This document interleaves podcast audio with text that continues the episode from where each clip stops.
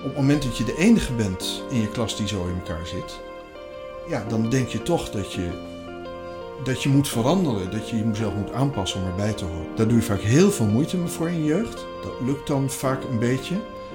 En dan ben je 20, 22, kun je je eigen beslissingen nemen, kun je voor jezelf zorgen. Kun je dus eigenlijk zijn wie je bent. Dan heb je zo goed aangepast dat je echt niet meer weet hoe het moet. Hallo en welkom terug bij de podcast. Ik neem dit stukje een dag na mijn gesprek met Lodewijk Dekker op. Uiteindelijk hebben we meer dan een uur gepraat over hoogbegaafdheid en hoe je er iets moois van kan maken. En kan stoppen met het vooral zien als een uitdaging eigenlijk. Maar toen ik het terugluisterde merkte ik dat ik Lodewijk eigenlijk verder helemaal niet zo heb geïntroduceerd. Dus ik dacht, uh, ik neem nog even achteraf een stukje op en ik doe het op deze manier. Wij kennen elkaar ondertussen acht jaar, denk ik. En we hebben elkaar acht jaar geleden leren kennen bij een project van het ministerie van Onderwijs. Dat helemaal in het teken stond van het helpen en het stimuleren van hoogbegaafde jongeren, hoogbegaafde scholieren, hoogbegaafde studenten. En sindsdien ben ik zijn werk eigenlijk blijven volgen. Vaker naar uh, zijn ja, zijn events, zijn workshops geweest. En we zijn in de tussentijd ook vrienden geworden. En ja, omdat we elkaar al een poos kennen en hier heel vaak over praten, duiken we dus ook al vrij snel in het gesprek. En ja, zit er een goed tempo in, wel sneltreinvaart. En toch is het een lang gesprek geworden. Maar dan ben je in ieder geval een beetje op de hoogte van een stukje achtergrondinformatie. Lodewijk is verder regelmatig in de media geweest uh, vanuit zijn rol als hoogbegaafde coach.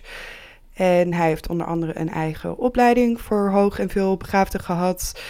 En hiervoor heeft hij van alles en nog wat gedaan. Hij is journalist geweest, hij is museumdirecteur geweest, hij is uh, directeur van een HBO-opleiding geweest, onder andere. Als het aankomt op hoogbegaafdheid, kan hij hier gewoon weg fantastisch over vertellen.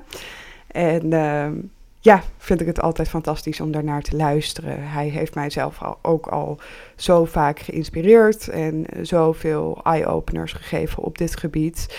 Dus ik hoop dat, uh, dat dit eigenlijk hetzelfde voor jullie mag gaan doen. Of dat dit ook een, een, um, ja, een vonkje in jou losmaakt, zo te zeggen. Kortom, ik ben in ieder geval super dankbaar dat hij ook te gast wilde zijn voor de podcast en uh, de tijd hiervoor nam. En mocht je nou na deze podcastaflevering nog een vraag hebben aan Lodewijk, je kan hem vinden op lodewijkdekker.nl. Daar vind je ook zijn e-mailadres. En ook als je vragen hebt aan mij, als je bijvoorbeeld benieuwd bent naar mijn persoonlijke ervaring, dan uh, ja, schroom vooral niet om uh, een DM te sturen op Instagram of een mailtje te sturen op nora.indesterren.nl. En dan ga ik je voor nu gewoon veel luisterplezier wensen. Hoi hoi en welkom terug bij In de Sterren de podcast. Ik ben vandaag weer niet alleen. Ik heb namelijk een gast uitgenodigd. En ik heb jullie al een beetje warm gemaakt, als het goed is, op Instagram. Ik heb er in ieder geval best wel heel veel reacties op gekregen en best wel wat vragen, dus die gaan we ook doornemen.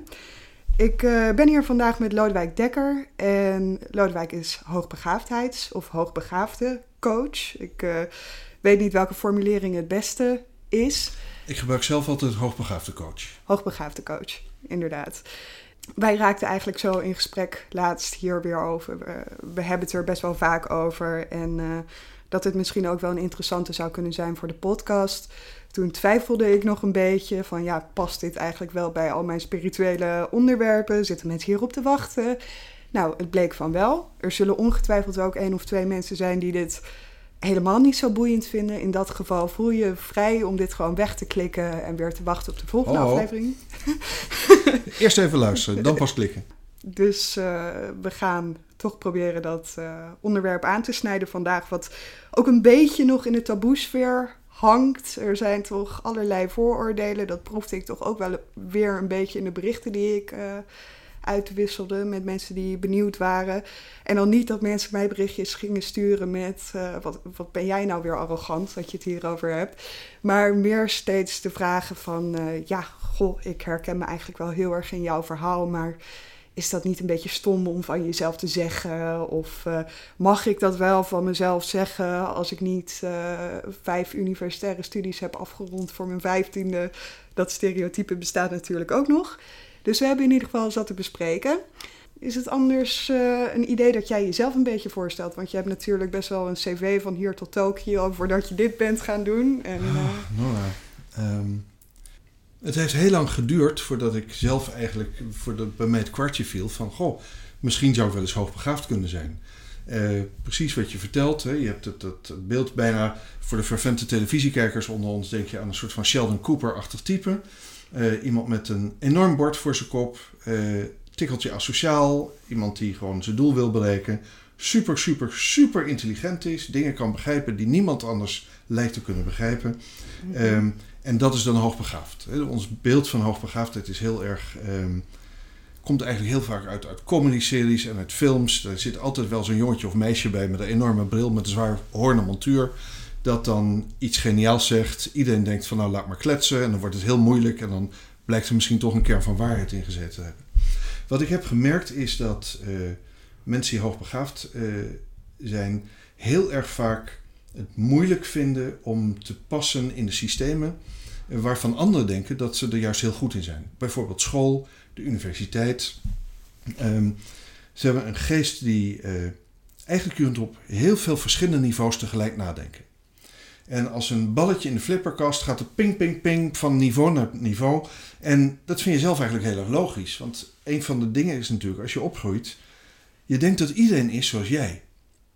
Um, ja. En natuurlijk heb je je eigen karakter en je eigen voorkeuren. Maar wat je kunt, denk je eigenlijk, we zijn allemaal gelijk. En ineens blijkt dat niet zo te zijn. Nou, en als je klein bent, denk je dus eerst, dat is mijn schuld. Ik doe iets fout. En uh, dat maakt het leven eigenlijk best ingewikkeld. Als je kijkt naar die, die Sheldon Cooper types, eigenlijk bedoel ik dat zelf niet met hoogbegaafd. Um, ik merk bijvoorbeeld al dat uh, mensen bij hoogbegaafd vaak het idee hebben dat dat mensen zijn die um, sociaal slecht zijn. Oh ja, dat onhandig. Uh, idee heb um, nog. In mijn ervaring zijn mensen die uh, hoogbegaafd zijn vaak uitermate sociaal voelend. En niet, het zijn net mensen, dus de een is heel sociaal vaardig, de ander heeft daar moeite mee. Maar hun interesse en hun medeleven met andere mensen en gebeurtenissen is vaak heel groot. Mm -hmm. um, wat je vaak ook merkt is dat uh, mensen die zo in elkaar zitten vaak uh, heel erg worstelen met de onrechtvaardigheid in de wereld en dat niet los kunnen laten. En ik heb me wel eens laten vertellen door een arbeidsrechtadvocaat dat uh, bijna alle uh, arbeidsrechtconflicten die echt tot de hoogste rechter worden uitgevochten, waar iemand echt maar vasthoudt en vasthoudt dat je op een gegeven moment zegt, joh, maar dit kost je veel meer dan je ooit gaat opleveren. Dan gaat het om principe, het gaat om rechtvaardigheid, dat het heel vaak te maken heeft met mensen die hoogbegaafd zijn. Of het verstandig is van ze om zo vast te houden aan iets wat je nooit gaat winnen. En als je het gewonnen hebt, denk je van nou, was het nou de moeite waard? Dat is iets anders. Maar het tekent. Um, ik wil eigenlijk helemaal losgaan. Maar is dat de bedoeling, Nora? Uh, nee, dat mag je, mag je natuurlijk. Ik denk oh. dat dit in ieder geval een goede introductie is op het onderwerp. Voor okay. de mensen die nog twijfelden van waar ging dit ook weer over? Okay. Had het iets te maken met goed kunnen schaken of met uh, al die diploma's binnen binnen hengelen natuurlijk. En ik had dus ook weer iets gedeeld over van ja, je denkt inderdaad aan. Uh, van, nou, je hebt toevallig uh, afgelopen jaren steeds zo'n uh, Belgisch of Nederlands jongetje in de media mm-hmm. gehad, bijvoorbeeld uh, Laurent Simons, geloof ik. En dat is denk ik voor een groot deel van Nederland het voorbeeld van wat hoogbegaafdheid is. Van op zijn twaalfde heeft hij de middelbare school af en daarna is hij binnen drie jaar uh, neurowetenschapper of iets dergelijks of hersenchirurg. En dat is ook zo'n hardnekkig stereotype waar je dan maar niet vanaf komt. En daarnaast heeft hoogbegaafdheid natuurlijk heel erg een imago van dat het vooral iets positiefs is. Dat zit al in dat hele Engelse woord gifted, ja. giftedness. Dat is al iets wat eigenlijk gewoon heel irritant is als je er een serieus gesprek over wil voeren. Nou ja, eigenlijk is het natuurlijk ook heel mooi om hoogbegaafd te zijn. Alleen, het helpt als je het voor jezelf weet. Hè? Um, het punt is, ik denk ook dat hoogbegaafdheid zelf um, we zien het soms als, eh, op, op scholen wordt het vaak gezien als een, als een nadeel. Hè? Het is heel zwaar voor kinderen. Dat hoeft natuurlijk helemaal niet zo te zijn. Ehm, om maar een voorbeeld te nemen uit de sport die me volstrekt niet aanspreekt. Eh, als jij onwaarschijnlijk goed kunt voetballen en in het eerste van Ajax zit, is dat natuurlijk helemaal geen probleem voor je. Als je niet van voetbal houdt, zul je nooit weten dat je heel goed in bent. En als je er wel van houdt, denk je, wat kan ik fucking goed voetballen, wat leuk. Ehm, want daar zie je dat iedereen het ook leuk vindt dat je heel goed kunt voetballen. En omdat heel veel mensen verstand hebben of denken verstand hebben van voetballen, kan iedereen ook zien van, ja, wat, wat, wat, die daar op het veld kan, dat kan bijna niemand. Ja. En op het moment dat je dat met je geest kunt, dan blijkt het al als je heel jong bent. Maar ja, als je vier bent, dan vinden mensen je een wijsneus. Ze zeggen, nou, je moet maar eens even luisteren naar het volwassenen. Ja. Ehm, en dus je krijgt al heel vroeg het idee van, ik doe iets niet goed. En dat kan natuurlijk, afhankelijk van je karakter, kan dat heel erg blijven zitten. Ik denk ook dat de kern van hoogbegaafdheid, we kijken altijd naar ehm, hoeveel, wat zijn je IQ-punten, en er zijn ook wel verschillende methodieken voor om dat te berekenen, en daar word je echt doodmoe van. Ehm, het lastige is dat zegt eigenlijk niet zo heel erg veel. Want nou, ik heb daar zelf wat onderzoek naar gedaan. En over cijfers kun je natuurlijk altijd heel lang twisten. Maar neem nou even een marge van 10% meer of minder. Eh, er zitten meer hoogbegaafde kinderen op het VMBO dan op het VWO. Ja. Eh, als je kijkt naar het aantal eh, mensen met een IQ van boven de 130, maar 17% heeft een opleiding, afgeronde opleiding op HBO of universitair niveau. Ja. Ehm, hè, dus de RADE is eigenlijk, de universiteit in Nederland is gemaakt, bedacht voor mensen met een IQ van 120. Als je nou een IQ hebt wat lager zit, maar je bent gedisciplineerd, je kunt heel duidelijk weten van oké, wat willen ze nou eigenlijk van me? Ehm, dan kun je daar gewoon echt voor instellen en hard voor gaan werken. En dan haal je gewoon het universitair niveau. Op het moment dat je eigenlijk zo intelligent bent dat andere mensen zeggen, nou, dat haal je met gemak. Mhm. Je zit op al die niveaus tegelijk te denken. Dus in plaats van dat je denkt van, oké, ik moet dit boek uit mijn hoofd leren, ze willen dat en dat van me weten, ze willen weten dat ik dat begrijp. Dit zijn systeemdenkers, dit zijn van die mensen die zeggen van, ja, maar dit boek heeft toch ook niet de waarheid in pacht. En Mhm. ja, ik vind dat ze wel heel gemakkelijk bepaalde conclusies trekken. Ehm, en eh, ja, is dit eigenlijk geen rare vraag? Dus ze Ja. gaan altijd vraagtekens stellen bij het systeem waarin ze functioneren. Ja. Dat is natuurlijk vaak een teken van intelligentie, maar het systeem waardeert dat niet.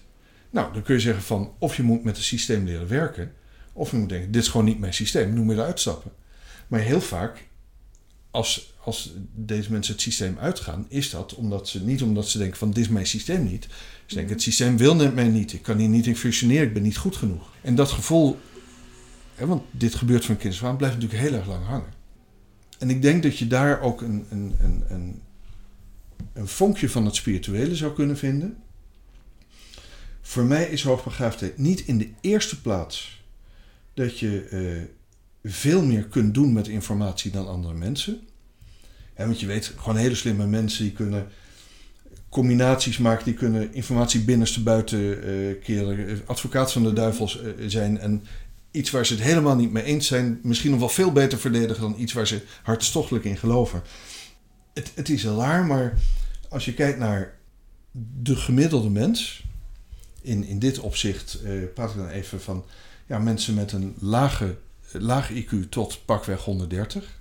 Daar zie je natuurlijk heel veel verschil in hoe mensen met eh, informatie kunnen omgaan. Mhm. Iemand die een wat lager IQ heeft, wordt gefrustreerd of geïrriteerd van heel veel informatie.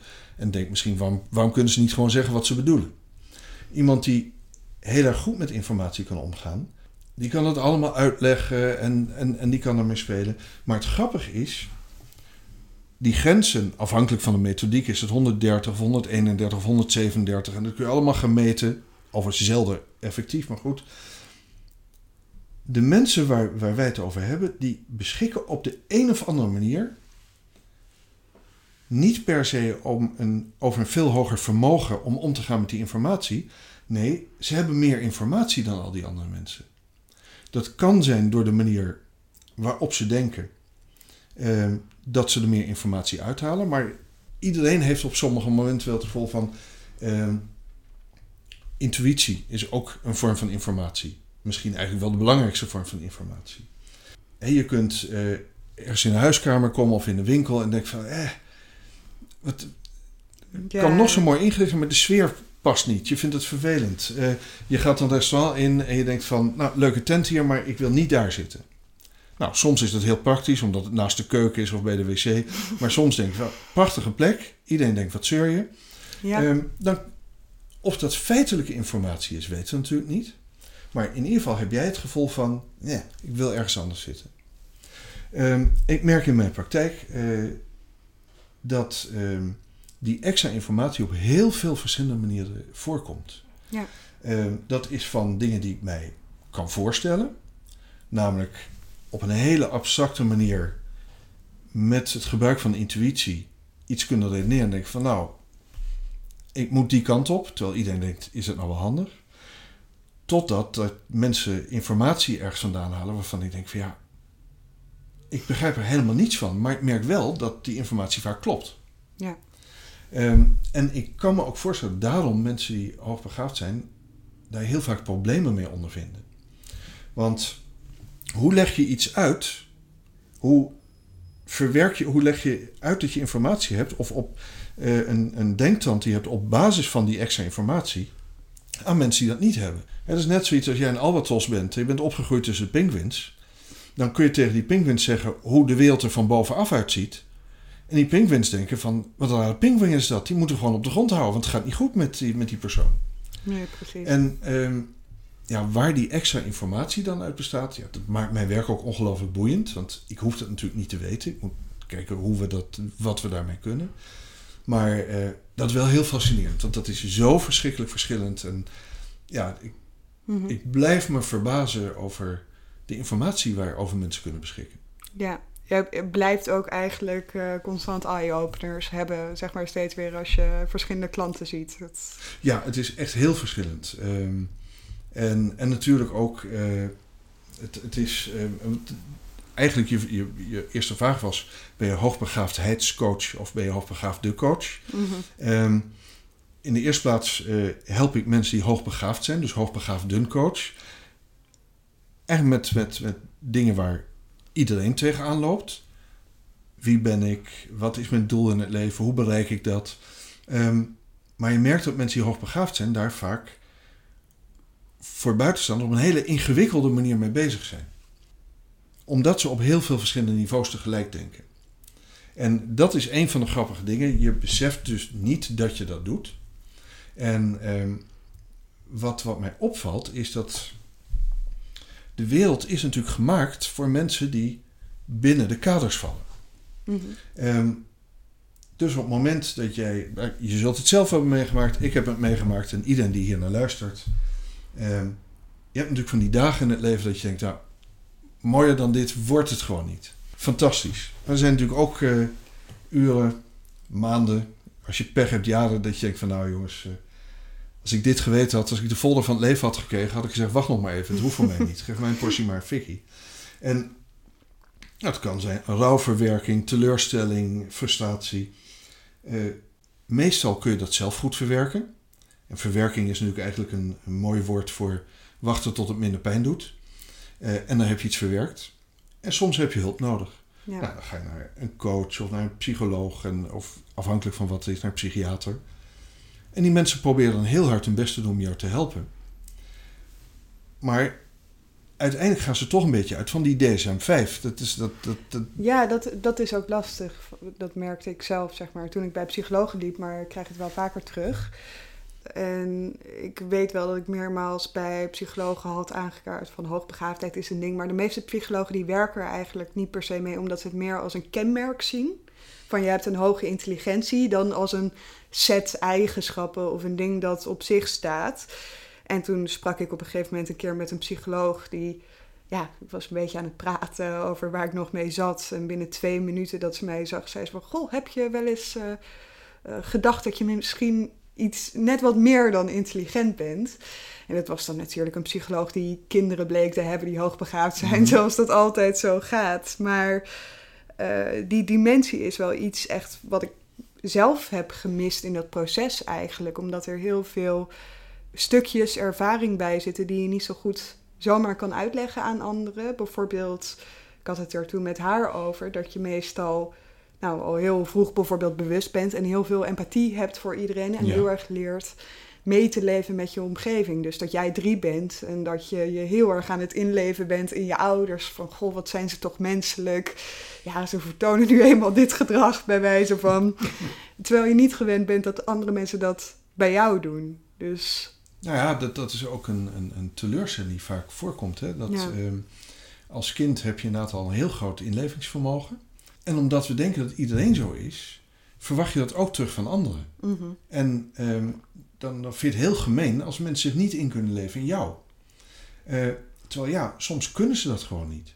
nee. En wat je dus inderdaad ziet, is dat deze mensen ook eh, anders omgaan. Nou, ze gaan niet anders met emoties, maar ze hebben al heel jong nagedacht over emoties.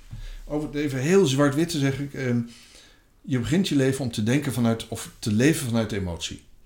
Ja. Eh, ik zie een ijsje, ik wil dat ijsje, dus ik zeg de moeder van eh, geef mij dat ijsje. En eerst krijg je een ijsje, ik ben blij. Vervolgens zeg ik, ik wil een ijsje. En dan zegt ze, nee, nu krijg je geen ijsje. Nou, ik ben natuurlijk zeer verontwaardigd. Ik, zet het, ik ga enorm zeuren en deinen. En mijn moeder denkt van, ah, ik geef dit joch een ijsje. En op een gegeven moment zegt ze van, ja joh, maar daar trap ik niet meer in, dat gejank. Eh, Ik krijg gewoon geen ijsje. Dan moet ik dus ineens denken van, oké, wat is dan mijn nieuwe aanvalsplan?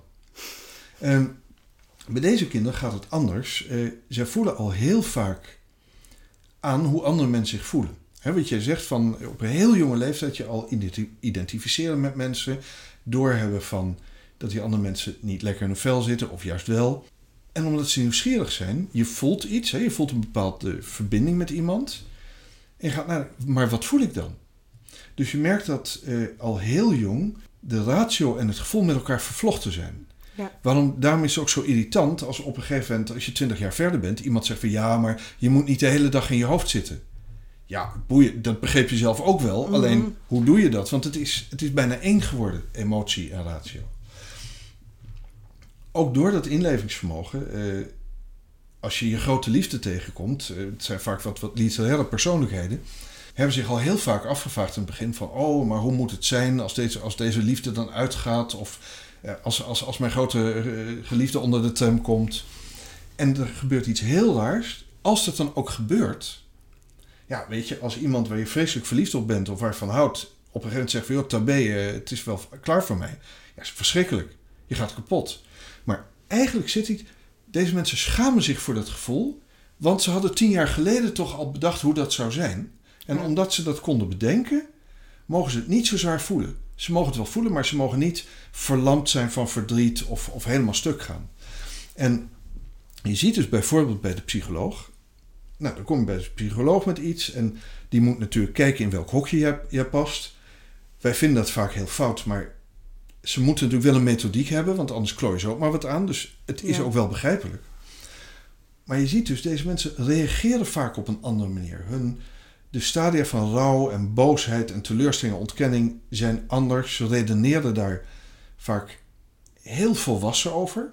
Zodat het inderdaad voor een buitenstaander net lijkt alsof ze hun gevoel niet willen voelen. Nee, maar ze zijn er heel verbaal over. En dan merk je dus vaak dat met echte grote shit, de problemen die ieder mens heeft, dat op het moment dat je, om het nader woord maar te gebruiken, normaal bent, hè, binnen die grenzen valt, kun je met twee, drie, vier gesprekken met een hulpverlener, kun je samen gewoon echt aan een nieuw hoofdstuk beginnen.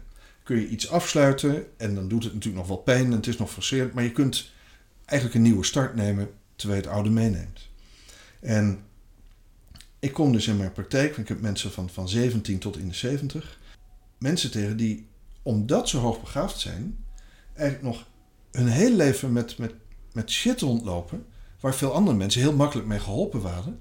Maar omdat ze, even bot gezegd, een, een, een gewone goede psycholoog hebben gezien, in plaats van iemand met verstand van hoogbegaafdheid, ehm, blijven ze daarmee rondlopen. Dus het rare is dat dingen waar mensen die hoogbegaafd zijn tegenaan lopen, is helemaal niet altijd van, oh, ik ben zo vreselijk slim en wat is het moeilijk dat iedereen dat niet is. Nee, het zijn vaak de normale dingen waar we allemaal tegenaan lopen. Plus dat het natuurlijk wel lastiger is op het moment dat jij van voetballen houdt en de hele klas houdt van voetballen. Ja, dan begrijp je wat het is en begrijp je wat ze van je verwachten. Op het moment dat je de enige bent in je klas die zo in elkaar zit, ja, dan denk je toch dat je, dat je moet veranderen. Dat je jezelf moet aanpassen om erbij te horen. Daar doe je vaak heel veel moeite voor in je jeugd. Dat lukt dan vaak een beetje. En dan ben je 20, 22, kun je je eigen beslissingen nemen, kun je voor jezelf zorgen. Kun je dus eigenlijk zijn wie je bent. En dan heb je zo goed aangepast dat je echt niet meer weet hoe dat moet. Ja, ik wilde het je net vragen. We hadden het er net al een klein beetje over voordat uh, we de microfoon aanzetten. Maar eh, dat je in eerste instantie eigenlijk gekwetst bent, omdat je zelf het idee hebt dat andere mensen je niet begrijpen, terwijl jij zo je best doet om andere mensen te begrijpen of andere mensen heel goed begrijpt. Vervolgens een keihard in aanpassen, daar lijkt voor mij heel vaak de, de crux of de pijn te zitten, dat je zeg maar zo'n professionele people pleaser wordt en zo gewend bent aan het opzij zetten van je eigen verlangens, dat dat het pijnlijke stuk van hoogbegaafdheid is. Zou jij dat ook zien als zeg maar het nummer één probleem of zijn er andere? Um, het nummer één probleem zie ik, dat, dat, dat ligt wel in het verlengde daarvan. Uh, dat we ons hebben aangeleerd dat uh, zoals we echt zijn, wat we echt willen, wat we echt vinden, wat we echt denken wat we kunnen, dat is fout. En wij zien vaak als ons probleem dat we ons niet goed genoeg kunnen aanpassen. Terwijl het echte probleem is natuurlijk van, ja maar moet je stoppen met aanpassen. Want het probleem met aanpassen is ook dat al kun je je heel goed aanpassen, het is nooit genoeg. Even zonder hoogbegaafdheid, dat is ook in een relatie zo. Op het moment dat iemand steeds zegt van ja, maar jij bent altijd zo naar tegen onze vrienden. Ja, dan probeert die partner het nog beter te doen. Maar dan is er toch wel iets. Je hebt je nooit goed genoeg aangepast. En wat je dus eigenlijk uh, hebt, is dat je door dat voortdurend aanpassen, doordat je hebt aangeleerd van ik moet mij heel erg aanpassen om ertussen te mogen zijn. Dat als je ergens naar binnen gaat, de jas die je aan de kapstok hangt, is steeds groter. En wat er van jou naar binnen gaat, is steeds minder. Ja. En dan leidt het ook nog eens tot een enorme frustratie, want jij doet zo verschrikkelijk veel moeite om je aan te passen. Maar andere mensen doen vaak heel weinig moeite om zich aan te passen aan jou. Logisch, die zijn namelijk slimmer. Die denken van ja, waarom zou ik me aanpassen? Maar het doet wel pijn, want het kost je zoveel. Aanpassen kost zoveel energie. Je wordt er zo moe van. Ja, doodvermoeiend. Uh, nou ja, burn-out, bore-out, wat dan ook. Ehm, want aanpassen zorgt dat je jezelf gaat belonen om steeds minder jezelf te zijn. Ja, dat, dat is natuurlijk fucked up. Ja, ik vond het ook wel interessant dat gelijk een van mijn vaste klanten me een berichtje stuurde toen ik hier iets over uh, deelde op social media. En uh, mij vroeg van, goh, heb jij dat dan ook? Ik zei van, ja, dat, dat heb ik ook. En hoe doe jij dat dan in vriendschappen en in relaties en op je werk? En dat ik moest aangeven van, ja, ik zie eigenlijk het probleem niet. En zij begon van, ja, maar dat is toch hartstikke lastig dat je in vriendschappen te maken krijgt met allemaal mensen die dat niet van jou begrijpen, of waarmee je niet op één lijn zit, of dat relaties niks worden, of dat je op je werk misschien ehm, met het onbegrip te maken krijgt. En toen realiseerde ik me ook voor mezelf van, ja, ik ben ook op het moment dat ik klaar was met de middelbare school, ik heb eigenlijk contact met niemand. Nou ja, één of twee mensen, maar die waren al die tijd al een tikkeltje raar. En ik, ik, heb daar niet zoveel uh, aan overgehouden. En toen in mijn studententijd ben ik echt heel erg op zoek gegaan naar mensen die eigenlijk ja, op dezelfde manier in het leven staan. En op dezelfde manier sparren en dezelfde gekke interesses hebben. En als ik nu om me heen kijk, dan denk ik dat ja, toch wel het merendeel van mijn vrienden aan het labeltje tussen aanhalingstekens zou kunnen voldoen. Of het zijn gewoon hele vrije, leuke geesten. Mm. Dus ik, ik zou ja, uh, vandaag de dag merk ik helemaal niet meer dat ik daar uh, tegenaan loop in vriendschappen en in mijn relatie ook niet, omdat ik het labeltje ook bij mijn vriend kan opplakken. Maar ik kreeg dus van haar wel weer de vraag en ook van andere mensen van ja, hoe verander je dat eigenlijk? Of hoe breek je daarmee? Of op het moment dat je realiseert van wacht, ik ben al die tijd anders geweest en ik heb me al die tijd aangepast. Hoe ga je dan toch een stapje maken om weer terug te komen bij jezelf? Dat, dat, dat is dat is heel moeilijk. Ehm, als ik het even heel plat in tweeën deel, uh, hoe gaan deze mensen, uh, als ze het ouderlijk huis verlaten, de wereld in? Dan heb je een deel dat zich, uh, dat deel van zichzelf heel isoleert. Dus je kunt best een vriendennetwerkje hebben, of juist niet. Maar ehm, die gooit echt op je eigen belevingswereld. Eh, die, die, die duiken een fantasiewereld in, of boeken of dagdromen. De anderen gaan inderdaad heel erg op zoek om. om eh, die gaan eigenlijk op jacht naar rare gevallen. Eh, die hebben zo'n vriendenkring met, met, met eh, allemaal gekke, leuke, interessante mensen. En de fase die daarna volgt is dat je daar soms ook wel een beetje in kunt vergissen. Ehm, want het probleem is natuurlijk, een van jouw gaven is dat je heel erg empathisch bent. Dat je geïnteresseerd bent in mensen, maar dus ook you know what makes them tick. Uh, en dat op het moment dat je iemand tegenkomt die zich interesseert in jou en die begrijpt hoe je voelt of daar moeite voor doet en ook een beetje begrijpt hoe je gedreven wordt, dat is natuurlijk fantastisch als je iemand tegenkomt. Het is een warm bad en dan wil je de hele tijd nog meer warm water in dat bad. En wat je merkt is dat je op een gegeven moment jezelf ook wel eens beduveld hebt. Dat je eerst denkt van, oh wat leuk, deze mensen zijn ook bijzonder. En die zijn ook weird, dus hoeven niet per se hoogbegaafd te zijn, maar gewoon anders in het leven te staan. Spannend, boeiend. En dat je ineens merkt dat je, uh, ja, ik zeg het even heel zwaar, hè, want het, het, maar het, het kan soms zijn dat je een soort van bloedzuigers aan je hebt hangen. Mensen die altijd maar bij jou komen als ze problemen hebben, altijd maar een begrip vragen, altijd maar over zichzelf willen praten. En dat je ineens denkt van, hé, hey, dat is waar, want als ik gewoon eens 10 minuten wil vertellen dat ik een, eh, slechte dag heb, dan, uh, dan weten ze niet hoe snel ze weg moeten komen of op moeten hangen. Dus dat is het, eh, vaak wel het, het twintigerscomplex. Er is geen makkelijk antwoord naar. Het probleem is dat vriendschap en liefde is alleen maar fijn op het moment dat ze houden van jou. Dat ze bevriend zijn met jou en niet van jouw aangepaste versie. Want dan is het altijd voorwaardelijk. En dat voelt onbewust, voelt het ook altijd voorwaardelijk. Je hebt altijd het gevoel van, als ik dit of dat verkeerd ga doen, dan gaat mijn partner weg of dan gaan mijn vrienden wel met iemand anders naar de bioscoop. En uh, dat maakt vaak dat je uh, ook blijft doorgaan met het, met het aanpassen. Het is natuurlijk ook heel, heel, heel pervers eigenlijk, want je bent er heel erg goed in. Dus je kunt ook mensen heel erg goed helpen als je zou willen. Maar soms verwarren zij en verwar jij dat met, met liefde of vriendschap, terwijl je eigenlijk, ehm, nou het zwaar te zeggen, soms hulpverlener bent. En dan ga je een nieuwe fase in dat je nou denkt van ja, wacht eens even, maar dat was de bedoeling niet. En soms duurt dat. Um, ook is een, is een maar dat, dat, dat heb je zelf natuurlijk ook gemerkt, het is ook wel een misverstand. Je kunt natuurlijk ook heel goed bevriend zijn met, met mensen die, die niet hoogbegaafd zijn. Iemand die heel goed kan voetballen, ja, kan ook natuurlijk. bevriend zijn met, met een tuinman. Want eigenlijk hoef je dan het minste aan te passen. Op het moment dat er iemand is die jou echt leuk vindt, maar helemaal niets begrijpt van wat je altijd allemaal meldt, dan praat je, dan verbind je op hartsniveau. Op het moment dat je uh, dat het om intelligentie gaat, probeer je op rationeel niveau te verbinden. Ja, um, ja en dat, dat is vaak voorwaardelijker.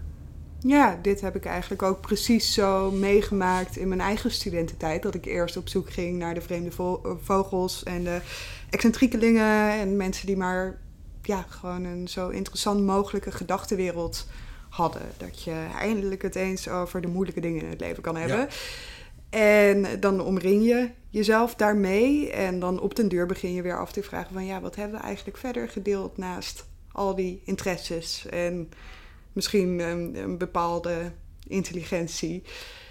En nou ja, dat is voor mij de afgelopen jaren weer een proces geweest van opnieuw mezelf gaan afvragen van wat zoek ik nou eigenlijk in vriendschappen en wat heb ik nou eigenlijk in het, in het complete plaatje nodig. En dat empathieverhaal, dat is denk ik natuurlijk ook voor veel mensen herkenbaar. Mm. Dat je natuurlijk ook een talent krijgt voor mensen het gevoel geven dat ze gewaardeerd zijn en dat ze gezien worden in al hun kwaliteiten. Maar ja, je hebt daar denk ik dus echt zo'n stapgewijs proces. Maar het is natuurlijk wel lastig als je, als je dit van jezelf weet en je hebt eigenlijk nooit in de omgeving uh, gezeten. Bijvoorbeeld voor mij was het makkelijk van ik verhuis naar de andere kant van het land om te gaan studeren en ik begin met een schone lei. En ik ga precies studeren waar ik zelf zin in heb en ik maak daar mijn vrienden. Maar voor mensen die dan uh, nog steeds in hun geboortedorp bijvoorbeeld wonen en nog steeds in dezelfde omgeving zitten, kan ik me voorstellen dat het echt een lastige stap is om te maken. En dan ja, kan je ook op zoek zijn naar, ja, naar de Mensa Club bijvoorbeeld. Of uh, naar um, clubjes zijn verder goed in hoogbegaafdheid. Ik weet wel dat het bijna altijd uit elkaar valt, behalve bij Mensa. nou ja, um ik, ik ben van nature iemand die niet graag lid wordt van, van dingen. Uh, tenzij van een van de 12.000 genootschappen die ik zelf ooit heb opgericht. Maar dan ben ik meestal ook het enige lid. Dat, dat maakt de vergadering wel, wel eenvoudiger. Um, het, ik, ik, ik heb een wat ongemakkelijk gevoel bij, bij die clubs. Kijk, um, Mensa schijnt veranderd heel erg. Je zou kunnen Mensa is over het algemeen wat meer beta gelicht. Hou van meetbaarheid waar niks mis mee is, maar niet alles is meetbaar. En in het verleden, en ik weet, dat is, dan praat ik over 25 jaar terug, en ik heb begrepen dat het echt veel leuker is, maar in het verleden heb ik wel meegemaakt dat, dat ik drie mensen, uh, mensisten zal ik maar zeggen, uh, meemaakte en dat twee mensen met IQ, gemeten IQ van 147, iemand dat afzeiken waren, die maar een IQ van 143 had. En toen dacht ik van, dat kan nooit leuk zijn om daar lid van te zijn, maar aan de andere kant ze doen veel onderzoek. Uh, ze hebben toch steun bij elkaar. Dus... Ik, ik ken ook wel wat leuke mensen die lid zijn van Mensa. Niet om alleen maar af te geven op Mensa hoor. Maar dan dus- heb je dus wel weer het fenomeen van... Ja, dat je andere hoogbegaafden gaat opzoeken in plaats van... Maar iedere club heeft natuurlijk ook zijn eigen karakter. Het is, het is ja, misschien dat is maar partijen en gezelligheidsverenigingen. Um, waar ik uh, wisselende verhalen over hoor. Maar zo, zo, zo, soms licht teleurstellend, soms hartstikke leuk. Dus de foutmarge is wat minder erg zijn HB-cafés. Dat klinkt een beetje als mensen die de hele avond alleen maar willen praten over hoe ongelooflijk zwaar het toch is om hoogbegaafd te zijn. Maar de meeste mensen die ik spreek die daar geweest uh, zijn, ik, ik, geef mensen ook wel eens tip voor, joh, zoek dat eens op. Zeggen juist van, joh, dat was zo grappig. Ik zag allemaal mensen die ik anders nooit was tegengekomen. En uh, we hebben over alles en nog wat gepraat. En het was gewoon fijn, want zo'n gesprek gaat zo grillig en zo raar. Heerlijk, want je hoeft er nooit te zeggen van... oh, sorry dat ik van de hak op de tak sprong. Uh, want iedereen doet dat. En wat leuk is dat. Um, dus, en, en zo heb je heel, heel veel clubs die... Uh, de, de, en, ik merk nu zijn er vooral veel um, clubs die... Uh, ja, gemeen gezegd zijn er bijna patiëntenverenigingen. Het zijn er vaak ouders van hoogbegaafde kinderen. Um, die zich daar enorm zorgen over maken. Ik vind ook dat we met hoogbegaafde kinderen vaak ook niet zo heel handig omgaan, ondanks alle goede bedoelingen. Al is het alleen maar zo dat uh, hoogbegaafdheid wordt niet als een probleem gezien. Het hoeft natuurlijk ook geen probleem te zijn. Wat je dus ziet is, als jouw kind uh, op school tegen de grenzen aanloopt, of verveeld is, of lastig is, of, uh, of onderpresteert, dan ga je met docenten praten, met de school, en dan zeg je, ja, ja, onze Jaapie is echt best slim, maar hij bakt er niks van op school. Nou, dan vindt zo'n docent Jaapie eigenlijk ook niet dom, maar ja, hoe zit het dan? En dan moeten ze dus een labeltje hebben om extra capaciteit in te zetten. Maar hoogbegaafdheid is geen labeltje waar je geld voor krijgt. Dus er wordt al heel gauw gekeken naar ADHD, dyslexie, eh, ADD, hoog, uh, hoogsensitiviteit, uh, autisme spectrum. En het kan ook wel samengaan. Ja, het gaat ook wel vaak samen. Heel vaak is het een aanleiding om maar gewoon extra tijd te kunnen geven. Maar ja, ja. op het moment dat jij dan... Ehm, hoogbegaafd bent, daar heb je wat extra begeleiding voor. Maar je hebt vanaf je zeventiende idee dat je dus autisme hebt. Ja, dat, dat kan, maar het hoeft niet zo te zijn. Dat, dat, dat brengt gewoon veel schade toe. Vooral omdat um, ik heb een beetje moeite met die combinatie met hoogbegaafdheid en autisme. Het komt zeker tegelijk voor. Autisme en, en, en weinig begaafdheid trouwens ook. Maar goed, daar is wat minder aandacht voor. Maar ik vind het wel, um, wel, wel, wel tekenend dat op het moment dat jij je hebt een gesprek met iemand en laten we eens zo. Jij weet toevallig dat uh, de, de Oktoberrevolutie in, uh, in, in, in Rusland was eigenlijk in november, want daar hadden ze de Juliaanse de jaartelling in plaats van de Gregoriaanse. En iedereen, nee, nou, je hebt helemaal fout en dit en dat, want het is de Oktoberrevolutie, noem maar daar moet de Oktoberrevolutie. Um, ja, maar jij weet gewoon dat je gelijk hebt. Dus je wil op een website of in een boek laten zien van nee jongens. En ze zeggen, ah je hoort het. En als je volhoudt met kennis, vinden ze je al snel een beetje autistisch. Als je Maradona bent en je staat in een voetbalstadion met 70.000 mensen. en je bent de enige die volhoudt dat hij niet buitenspel stond, vinden ze je een sportheld. Ja. Terwijl het principe is hetzelfde. Het is maar net wat mensen zich kunnen voorstellen dat je belangrijk vindt. Dus ik merk wel heel vaak dat ik eh, mensen aan tafel krijg die zeggen van ja, ik moet er wel bij zeggen, ik zit wel in het autisme spectrum. En dat ik na zo'n gesprek het idee heb van nou, het zou me ten zeerste benieuwen. Want eigenlijk voldoe je aan geen, geen enkel veetje, vinkje wat, wat, wat bij autisme zit. het is niet mijn expertise, dus dan, ik, ik ga mensen ook niet aan hun hoofd praten. Maar ik wil wel uh, zeggen van, joh, die dingen waar je het over hebt, komen ook vaak voor bij hoogbegaafdheid. Net als hoogsensitiviteit. Hè, heel veel antennes hebben, hoort ook bij hoogbegaafdheid. Het is maar hoe het binnenkomt en wat je ermee doet, waar het verschil ligt. Ja. En dat kan natuurlijk ook samen, uh, samen voorkomen. Nee, er zit inderdaad altijd wel een overlap. Uh, net als met ADD of ADHD en hoogbegaafdheid. Dat uh, lijkt ook best wel veel op elkaar. Ook rond focus, creativiteit, rechtvaardigheidsgevoel, dat soort dingen. Um, het is hooguit gewoon inderdaad lastig dat. Uh, of nou ja, ik wil nu niet zeggen dat hoogbegaafdheid het grootste probleem is, want dat is het niet. Maar dat hoogbegaafdheid gewoon niet serieus wordt genomen als iets wat een probleem kan zijn. En dat ik heb zelf dan jarenlang rondgelopen met. Ik zit kennelijk heel zwaar met een soort van luxe probleem. Namelijk, ik ervoer de middelbare school echt als een gevangenis. Zeg maar. Ik ging daar echt iedere dag heen met het gevoel van lood in mijn schoenen. Zeg maar. Toen ik op een gegeven moment. Uh, nou, toen eindigde ik eerst in HAVO 4 en toen ben ik een poos gestopt met school. Maar toen had ik een afwezigheid van 70 à 80 procent. En dachten ze van, goh, wat, waarom spijbelt ze nou? Ze heeft helemaal niet zoveel vrienden. En dan zit ze meestal gewoon op het schoolplein met een boek. En dat is dan spijbelen.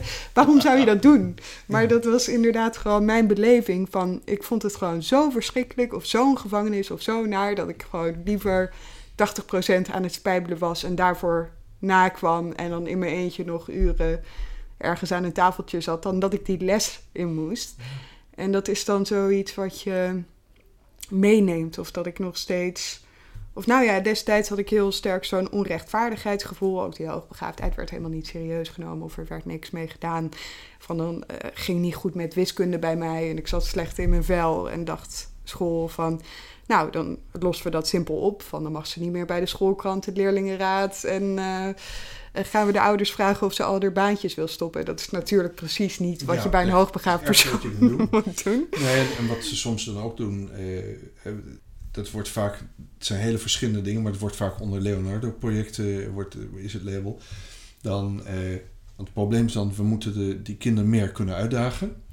Maar ja, als je school als een gevangenis ziet en een manier om jou te helpen is om je dan een paar uur per dag langer naar de gevangenis te sturen. ja, dat, de bedoeling is zo goed, maar het werkt gewoon niet. Um, ja. Eigenlijk is het belangrijkste ook dat, ja, ze willen meer uitdaging. Nou, jij vond dat bijvoorbeeld bij de schoolkrant en dat soort dingen. Dus dat sleep je er nog doorheen. Eh, als het mee zit. Ehm, maar als je als school al iets wil doen of als ouders, dan kun je beter niet proberen je kinderen veel meer uit te dagen. Je kunt proberen ze te helpen zichzelf uit te dagen. Want als ze hoogbegaafd zijn, gaan ze vaak zo snel. Dan heb je heel veel moeite gedaan om ze uit te dagen. Ja, dan zijn we twee uur verder, zijn ze uitgedaagd. En wat dan? Ja, dan moeten ze nog honderd jaar. Um, en de grote truc is om jezelf te leren uitdagen. En ik denk dat ja. het probleem wat hoogbegaafd hebben, is natuurlijk het probleem wat we in deze maatschappij allemaal hebben. En we worden geboren in een maatschappij die er nog steeds van uitgaat dat, jou, dat je loopbaan eh, heilig is en dat je daarvoor doet. En dat je in die loopbaan de, de, de, de dingen gaat verdienen waar je dan in je pensioen van kunt gaan genieten. En die loopbaan betekent aanpassen aan de wereld, door hoepeltjes springen die anderen ophouden en belangrijk vinden wat andere mensen belangrijk vinden. Ja. Uh, dus het geldt voor ons allemaal. Dat systeem begint steeds meer te schuren en uh, we hebben steeds meer moeite te achterkomen wie, wie zijn we nou echt en waar word ik echt gelukkig van en hoe bereik ik dat. En als je hoogbegaafd bent, is het vaak nog lastiger, omdat je nog veel meer geleerd hebt van jij bent niet goed zoals je bent, je moet heel erg worden zoals iedereen. Ja. Wat Darwinistisch gezien natuurlijk eh, niet zo'n handige oplossing is, maar oké. Nee, en dan meestal wel de hele grote ambities hebben, omdat je het besef hebt dat je veel kunt of dat je makkelijk kan leren, waardoor het nog moeilijker wordt. Want nee, je kan niet gewoon jurist worden, je wil dan wel aan de Zuidas gaan werken, of uh, je wil niet uh, zomaar een studie filosofie doen, maar dan moet je er ook wel op gaan promoveren en cum laude het liefst. En natuurlijk minstens twee andere studies erbij doen. Ja, exact. Zo wordt het eigenlijk uh, Terwijl eigenlijk, nog erger ik, ik denk als je naar de middeleeuwen kijkt, of het, romantische idee wat wij van de middeleeuwen hebben. Uh, hij had het, het systeem van de, van de leerling, gezel en meester. En eigenlijk kun je zeggen, wij denken altijd van de leerling kon niets. De gezel die, die, die was aardig op weg en de meester die kon het. En hoe het was is, de leerling kon eigenlijk al best wat. Want ja, joh, als je ongemotiveerd kwam, waarom zouden we je aannemen in het gilde? Dus je moest echt al wat voorstellen. De gezel kon eigenlijk alles al. Die kon je alleen laten. als, je, als je de dakdekker schilde, die gezel kon al die daken in zijn eentje, die kon die leerling aansturen. De meesters waren de mensen die het en konden en geleerd hadden met hun handen, maar ook nadachten over de toekomst. Dus het was vroeger veel normaler dat als je een, een uitzonderlijke intelligentie had of heel goed met informatie kon omgaan, dat jij niet per se met een, een professorenbaret op je hoofd in een, in, een, in een zolderkamertje zat te verschimmelen. Dat kon ook, als je het leuk vond. Mm het waren vaak, omdat ze vaak ook heel sociaal voelend zijn, mensen die maatschappelijk heel betrokken waren en heel erg bezig waren. Je zou bijna kunnen zeggen onruststoken. Want dit zijn natuurlijk mensen die denken ver in de toekomst. Die denken, oh, maar als we zo doorgaan, gaat over 50 jaar dat mis. Die komen heel blij van, nou, over 50 jaar gaat alles kapot. Maar als we dit doen, hoeft het niet. Ja, de meeste mensen zijn er natuurlijk helemaal niet blij mee. Nee. Die denken van, wat, het gaat nou allemaal goed. Wat is er voor onzin? Maar eh, wat je nu toch vaak ziet, is dat als je eh, zegt van... Eh, joh, ik wil eigenlijk helemaal geen jurist worden. En gaat naar je ouders, ik, ik wil keurslager worden. Ehm, of, uh, of, of, of ik wil een van de laatste zinkslagers van Europa worden. Dat iedereen toch stiekem denkt, ja, maar dan ben je mislukt. Ja, precies. Ook het idee dat je die intelligentie moet waarmaken. Of zelfs al ben je niet hoogbegaafd. Op, op, een manier die de andere mensen begrijpen. Ja. Want dat is het. Hè, ervan uitgaan dat je ouders niet hoogbegaafd zijn. En het beste met je voor hebben. Die denken, oh, als kind kan zoveel. En die, als ouder wil natuurlijk gewoon dat je kinderen geen zorg hebben en gelukkig worden. Dus dan moet je natuurlijk maar jurist worden of, of dokter. Um, en, en dat is waar, want zij kunnen zich niet voorstellen dat je met een ambacht je intelligentie en, en dat voorgevoel misschien honderd keer beter kunt gebruiken, waar de wereld veel meer aan heeft. Ja. En die mensen worden dus allemaal naar die universiteit gestuurd of dat HBO. En dat is natuurlijk eigenlijk gewoon het verlengde van school. En op het moment dat je school een gevangenis vindt, dan vind je de universiteit in ieder geval een zeer slecht georganiseerde eh, open inrichting. Waar je dan maar het, beste van probeert te maken. Maar als iemand vraagt van, is dit een intelligente club? Dan zou je misschien zeggen van, uh, Ja, ja, soms inderdaad. Uh, nee, maar dat is inderdaad wel een interessante dat uh, er van buitenaf zo naar intelligentie wordt gekeken. Alsof het puur het niveau is waarop je sommen kan oplossen. En niet bijvoorbeeld cre creativiteit kan zijn of vakmanschap kan zijn. Of op een andere manier, op een innovatieve wijze bezig zijn met de dingen waar je gepassioneerd over bent. En ik denk dat zo hoogbegaafdheid ook vaak over het hoofd wordt gezien. Dat je gelijk een, uh, een wiskundeknobbel moet hebben, bij wijze van. Klopt. En ik denk dat het ook, ehm, wat me heel erg fascineert, en, en vind het nog steeds heel moeilijk om erachter te komen hoe dat zit. Uh,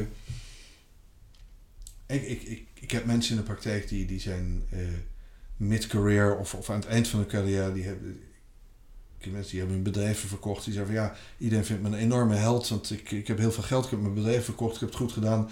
Maar eigenlijk vind ik mezelf nog steeds een loser. Want ik heb nooit iets gedaan wat ik zelf belangrijk vind. dus die heb je ook. Maar als je kijkt naar de jonge uh, categorie. Mensen die nog op school zitten. Tussen school en universiteit in. Of, of voortgezet onderwijs werken. ziet dat de, de, de jongens, mannen... Um, dat er veel duidelijker uh, is van het werkt niet, het loopt niet zo. Ja, ja dat idee heb ik um, Vaak is dat in, uh, als we op VWO zitten in de, in de vijfde. En dan, dan doe je niks meer. Je gaat joins ook en games spelen. En uh, school is allemaal bagger. Dus mensen zien van er gaat iets mis. Die meiden, het is fascinerend. Die houden het op de ene manier vaak veel dichter bij zich.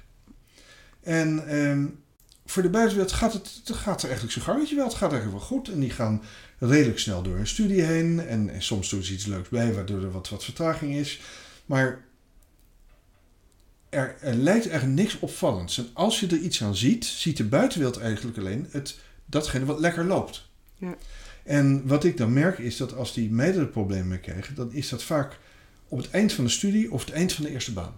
Ja. Dan gaan ze keihard tegen de muur op soms, heel traditiegetrouw, eh, is dat ook veel lastiger. Want um, soms heb je dan al, al ben je heel veel commitments aangegaan. Je, je woont samen, je bent getrouwd, wat dan ook. Je hebt een huis gekocht.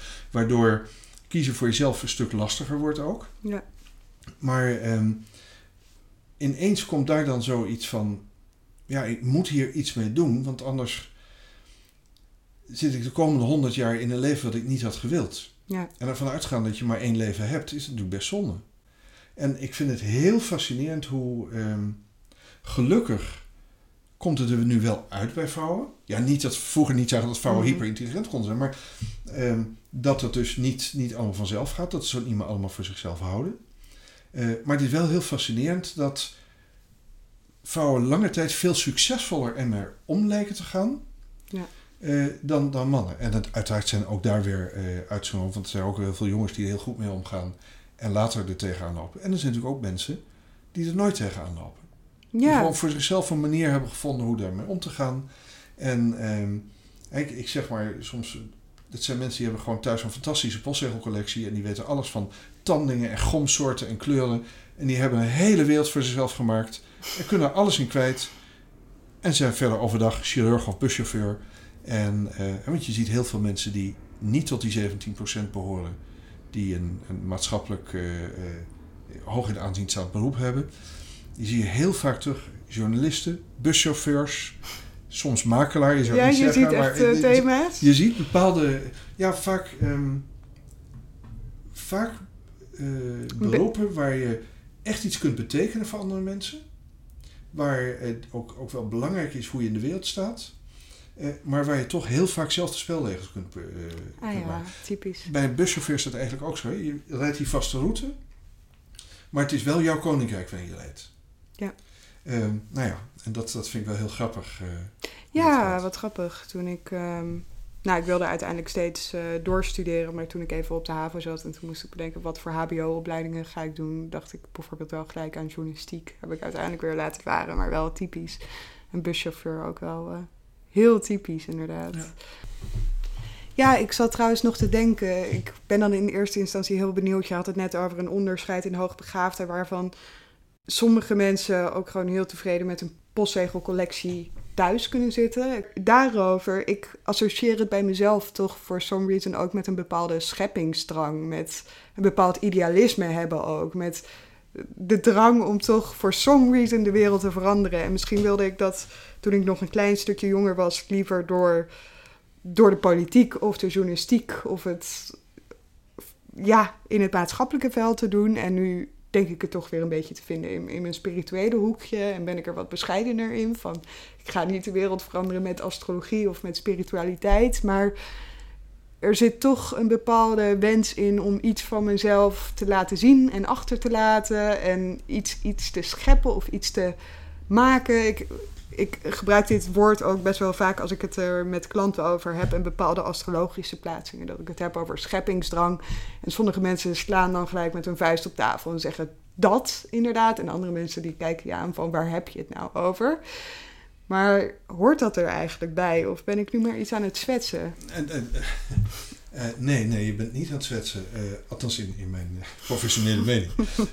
Nee, eh, ik denk dat het, dat het heel treffend is. Ik denk dat het verschil tussen diegene die met zijn postzegelverzameling heel blij kan zijn en het zijn leven kan leven, dankzij en ondanks die hoogbegaafdheid, en iemand die, het daar lastig mee heeft, is precies wat je betreft, is die, die scheppingsdrang, is ehm, de behoefte om wat voor de wereld te betekenen. Eigenlijk is het wat heel weinig mensen durven toe te geven. Maar van die mensen die, als ze heel eerlijk zijn, denken ze van: ik ben hier om iets heel bijzonders te doen. En dat klinkt natuurlijk verschrikkelijk arrogant en walgelijk om van jezelf te zeggen. Laat staan om het tegen andere mensen te zeggen. Maar een hele diepe overtuiging. En niet per se omdat dan iedereen, oh wat ben jij goed en dat je op de postzegel komt en op bankbiljet. Nee, gewoon echt om, je, je voelt dat er iets in zit wat eruit moet. Scheppingszang is, het is natuurlijk een hele mooie manier daarvoor. Ik vat het even samen als leiderschap. Leiderschap niet om, om, om maarschalk of major te zijn, maar leiderschap om... eh, je, je kunt verder kijken dan de meeste mensen en je wil eigenlijk vertellen wat je er ziet en hoe je ermee om kunt gaan. En ik denk op het moment dat je die scheppingskracht en of die, dat leiderschap hebt, dat het dan ook verschrikkelijk lastig is om, er, om het te temmen, om je maar aan te passen. Want hoe meer je aanpast, hoe ongelukkiger je wordt dan. Want ehm, het, het is een soort buskuit wat je in je hebt dat tot ontploffing moet komen. Het, het, is onlogenbaar. En op het moment dat je dat niet kunt, dat je daar de gelegenheid niet voor hebt, wordt het gif. Het, het doodt je, het verbittert je. Iedere dag word je wat somberder en wat verbitterder. Want je bent hier om iets te doen en je kunt het niet doen. Ja. En de wereld staat het je niet toe om te doen, maar als je heel eerlijk bent, je doet het zelf niet. Omdat je jezelf zo getraind hebt om erbij te horen. En dit is natuurlijk een soort een Darwinistisch proces. Omdat je iets wil toevoegen, moet je eigenlijk uit die groep stappen. Zeggen van fijn dat jullie het zo doen. Ik ben er ziels van overtuigd dat het anders moet. Ik ga even ergens anders staan. Ik ga het laten zien. En dan ineens merk je dat in die groep ook een heleboel mensen zaten die ook zo waren. Maar die durfden ook niet uit die groep te stappen. En die stappen dan naar jou toe. En dus het voelt altijd als een hele dappere, eenzame stap. Maar eigenlijk is de enige manier om even door het donker te vliegen, om de mensen tegen te komen die bij jou horen. Ja. En het, het, lastige van, van dit oplossen is, en daarom dat, dat het bij psychologen vaak ook misgaat, ja, als we het even zien als een hulpverleningstraject, deze mensen zijn om de duvel niet zielig, hè? Maar we zien zo'n zo'n hulpverleningstraject vaak lineair. Namelijk, je begint bij nul en dan gaan we jou beter maken en bij tien ben je beter. Ja. Maar het probleem is, ik heb twijfels überhaupt of dat werkt, maar eh, bij deze categorie mensen niet, want deze mensen zijn zichzelf altijd aan het second guessen. Ze hebben alles, ieder gesprek wat ze hebben, halen ze nog even twintig keer de molen van heb ik dit goed gezegd, had ik niet beter zus kunnen doen. Hoe vaak je niet terugdenkt aan een sollicitatiegesprek en denkt hoe je, dat, hoe je dat beter had moeten doen. En dat doen ze dus ook bij zo'n proces. Dus op het moment dat hulpverlener, hoera, we zijn vandaag van hoofdstuk 1 naar hoofdstuk 2. Volgende week gaan we dan hoofdstuk 3 beginnen. Nou, deze mensen hebben zichzelf al lang weer helemaal gereboot. Ze staan weer op nul. Kom weer terug naar het vorige boek. Ja, dus, dus je moet. Eh, het is een circulair proces. Het is, het, het, het is een cirkel. Je moet op twee plekken beginnen, minimaal. Want dan blijf je wel je voortdurend second guesser, maar je gaat zien dat je dat doet. Je ziet wat er gebeurt, dus je krijgt het, het mechanisme door waarmee je zelf altijd weer op nul zet. Want dat herken jij misschien ook, eh, hoewel je er wel heel succesvol in bent al. Maar eh, het is heel tekenend bij sommige aspecten van je leven dat je denkt, ja, ik wil toch niet dat het iedere keer weer gebeurt. En ik ga het nu helemaal anders doen. En ja. drie maanden later sta je weer op nul. Sta je weer af. Of je bent iets verder. Als je altijd dezelfde beslissingen neemt, krijg je natuurlijk vaak dezelfde resultaten. En wat je vaak merkt is dat uh, een constante die mensen vaak hebben als ze, als ze bij zichzelf willen komen, als ze achter willen komen wat ze willen betekenen voor de hoe gaan ze dat doen, is dat ze dat wel altijd in veiligheid willen doen. Een veiligheid die ze echt niet lief hebben, die ze eerder als een gevangenis zien. Maar oh, wat is het eng om uit de cel te stappen. En, en, en dat, dan is het gewoon echt heel handig als je dat wil aanpakken. Om dat gewoon samen met iemand te doen die, die heel scherp doorheeft wat je aan het doen is. Do, eh, wat je aan het doen bent. En zo af en toe gewoon even up, terug ja. in die cirkel kunt halen. En laat zien dat je zelf achterna loopt. Laat zien dat je voor, op jezelf voorloopt. Ja, en ja het is een gebrekkige uh, metafoor, maar het is me wel nee, een beetje duidelijk maakt hoe het, hoe het gaat. Je omschrijft het heel scherp. En ik vind het ook wel interessant hoe je eigenlijk toch altijd een, een beetje die, um, ja, die dubbelheid hebt van enerzijds iets recalcitrants in je hebben zitten. En dus de ene hoogbegaafde meer dan de ander. Ik denk dat ik dat recalcitrante heel erg sterk heb. En anderzijds die verzuring en het aanpassen van... Uh, ik heb er dan vooral mee lopen worstelen als puber. Maar was het dus enerzijds van... oh, ik moet me aanpassen en ik ben bang voor de rest... en ik wil toch dat mijn ouders me leuk vinden... en dat mijn leraren me leuk vinden. En anderzijds dacht ik ook heel vaak van... ja, echt jullie hebben gewoon ongelijk. En tegen de tijd dat ik een keer verlost ben van deze situatie, dan ga ik wel laten zien dat het allemaal niet klopte. Ik denk dat ook, ook, daar is het, het, nadeel voor jou dat je het zo jong al, al, al had, was dat het veel meer pijn doet. Omdat je, um, ja, iedereen, iedereen vertelt je dat het niet handig is wat je doet. Um, dus er is heel veel pijn. Maar wat je, wat je daardoor wel hebt, hebt geschapen, is dat je. Um, veel minder die automatische reflex hebt dat als andere mensen vinden dat je het goed doet, dat jij vindt dat je het goed doet. Mm -hmm. He, want we, we zijn natuurlijk, we worden van jongs af aan verslaafd gemaakt aan erkenning door anderen. En die erkenning krijg je als je dingen doet die zij begrijpen. Ja, nou, je voelt natuurlijk al aan dat dat voor deze categorie mensen gewoon niet zo handig is. Je moet erkenning voor jezelf kunnen krijgen. Je moet zelf weten van, hier sta ik voor. Ik kan mezelf in de spiegel aankijken, dit moet ik doen. En ik denk dat je daar ehm, ook, ook ziet dat. Eh, We hadden het net over, over de vrouwen, dat die er vaak later tegenaan lopen. Die zijn dus al veel langer getraind. Die hebben alle complimentjes gekregen, alle validatie, wat ze deden, wat iedereen leuk vindt wat ze doen. Ja. Dus niet lastig zijn, goed je gang doen, eh, lekker, lekker positief in de groep staan, eh, aanpassen. Die, hebben, die zijn kapot gecomplimenteerd dat ze zich zo lekker aanpassen. Ja, Dan wordt het nog moeilijker om te denken van ja, maar dat is heel, heel dom van me. ook wel interessant dat we het nu zo vaak hebben over hoe verslavend social media is en hoe verslavend de likes zijn. Maar dat is inderdaad Ja, eh, de originele vorm. Ja, maar daar heb je helemaal gelijk in. Ik merk eh, echt dat ehm, eh, mensen die, die, die niet zijn opgegroeid met internet en niet met sociale media, het daar makkelijker mee hebben. Ja. Want sociale media, ja, die zijn te- precies wat je zegt. Het is, het, het is bijna de hoogmis van, van de valse erkenning. Eh, en je denkt dat je het heel goed doet, maar je kunt je wel doodongelukkig bij voelen. Ja, wat is dan belangrijker? Ja. Maar ja, het probleem is natuurlijk dat je bestemming vinden willen we eigenlijk alleen maar doen als we van tevoren zeker weten dat het gaat lukken. Mhm. Ja, Ja. en dan is het misschien al niet zo zinvol meer. Nee, precies. Ik vind het ook wel grappig dat ik dat ehm, in mijn werk merk of in de sessies die ik met klanten heb, dat astrologie bijvoorbeeld een fijne manier is om af en toe net de bevestiging te krijgen.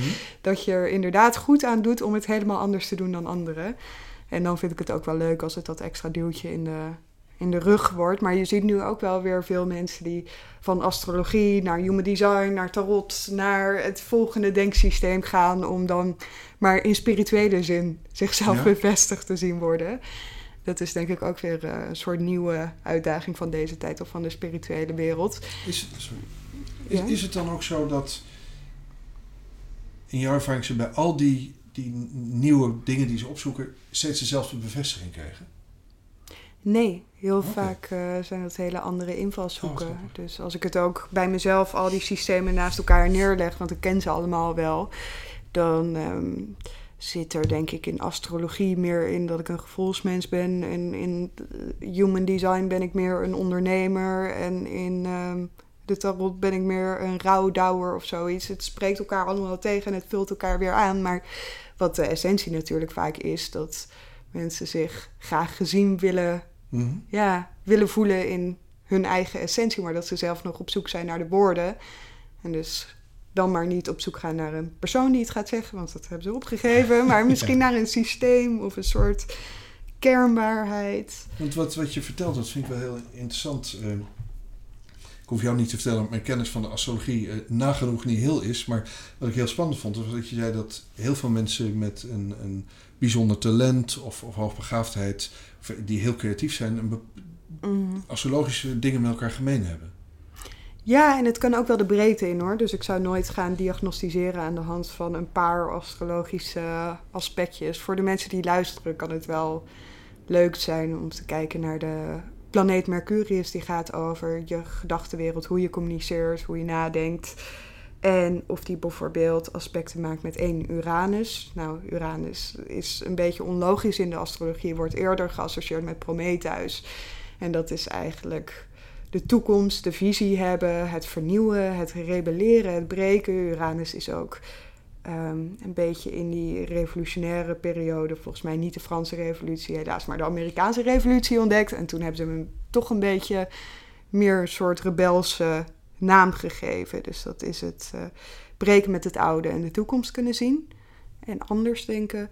Of bijvoorbeeld met Saturnus. Dat is ook zo'n aspect dat ik heel vaak zie bij schrijvers en academici bijvoorbeeld. Dat is het eh, hele diepe kritisch nadenken en het doorvragen. Maar er zit nog niet echt een gouden regel in. En ik denk uiteindelijk heb je intelligentie ook in zoveel vormen en maten en hoogbegaafdheid ook. Dus ja, je ziet het op zoveel manieren en dat zie je denk ik ook weer weerspiegeld in de astrologie op die manier.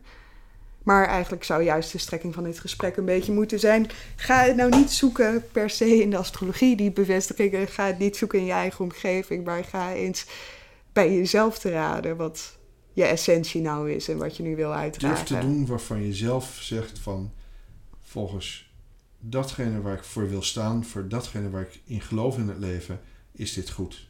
Of de buurman of je ouders het nou begrijpen of niet.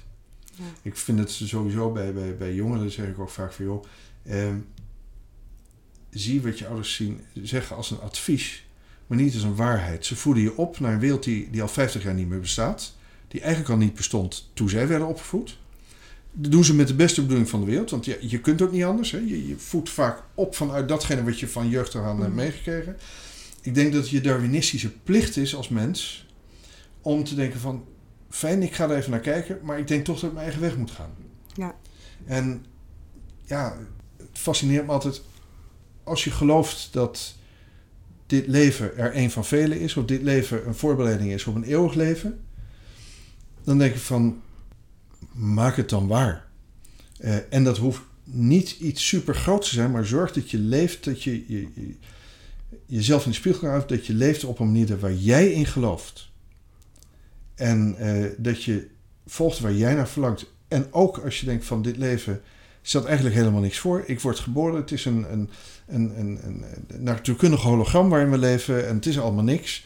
Dan nog heb je je hele leven al gemerkt dat wat jij hebt gedaan, wat jij hebt nagelaten, enorme invloed kan hebben op het geluk van anderen. Dus zelfs al zou je willen dat het zinloos is, dan spreken de feiten dat tegen. Hoewel metafysisch gezien de feiten dat zouden kunnen bewijzen. Maar voor het gevoel en voor je leven maakt het heel veel uit wat je doet. En waarom zou je dan in hemelsnaam een heel leven leven volgens de uitgangspunten, de normen en de wetten van een ander en je eigen normen en wetten eh, negeren? Nou, ik vind het eigenlijk best wel een eh, prachtige uitsmijter. Bij de beroepskeuzetest zeiden ze dat ik dominee moest worden. Misschien ben ik Ja, toch wel ja. een beetje geworden. Nee, inderdaad. Ja, nee, ik wilde je nog vragen om een laatste advies, maar dit vat de boel eigenlijk wel, eh, wel heel goed samen, denk ik zo. En eh, misschien nog een toevoeging is dat mensen ook vaak die stap niet durven te nemen omdat ze bang zijn voor de eenzaamheid. Terwijl dat is inderdaad het proces zoals jij het omschrijft. Van als jij opstaat, ga je altijd zien dat andere mensen ook gaan opstaan. Het is eigenlijk zonde om andere mensen zo te onderschatten. Om te denken dat zij wel onnadenkend de rest van hun leven hetzelfde riedeltje blijven herhalen. Je gaat altijd gelijkgestemden tegenkomen in wat je doet. En misschien niet gelijk de volgende dag, maar op den duur wel. Klopt ook. Eh, mocht het over zijn dat, dat, dat mensen nog wat dingen zouden willen weten, of, of dat ik eh, eh, op mijn website heb ik een aantal eh, eh, blogs staan, natuurlijk heel amateuristisch, maar met goede bedoelingen. Maar mensen kunnen ook gewoon even een, eh, een, een mailtje sturen. Als gewoon vragen van hoe zit dit, waar kan ik dat vinden, doe ik graag. Dus lodewijkdekker.nl. Super dat je dat nog even zegt. Ik eh, kan me voorstellen dat mensen nog met vragen zitten en alleen nog maar benieuwder zijn geworden. Dus ehm, ja, nou in ieder geval heel erg bedankt. Ik eh, Nou, vond leuk het een dat je mooi me vroeg. En Ja. eh, ik weet dat ik snel praat, dus ik hoop dat het meeviel. Nee, ik vond het zeker meevallen. Dat komt helemaal goed. Dus ik zal voor de luisteraars nog even al jouw informatie delen in de zogenaamde show notes onder de aflevering. En dan kunnen ze je misschien ook vinden op Instagram of... eh, Ehm, over een tijdje. Ik heb al wel een account, maar ik moet er nog erg hard aan werken. Oké, dus dat komt nog. En ehm, ja, ik hoor sowieso heel graag van je als je hebt geluisterd wat je, wat je van deze aflevering vond. Of het wat kwartjes heeft doen vallen. En mocht je het een interessante aflevering hebben gevonden, dan maak je mij altijd heel blij als je een vijf sterren geeft. Of me even een leuk bericht stuurt. Of eh, je gedachten deelt. Dan hebben wij ook niet eh, alleen maar het idee dat we in de lucht of tegen elkaar aan het praten zijn. Daar zit nog een stukje. Ja, precies. Nee, goed, het gaat steeds natuurlijker. In ieder geval, als je het tot hier hebt, eh, hebt volgehouden, dan dank je wel voor het luisteren. Hulde. Ja, super. En dan hoop ik je de volgende keer weer te zien.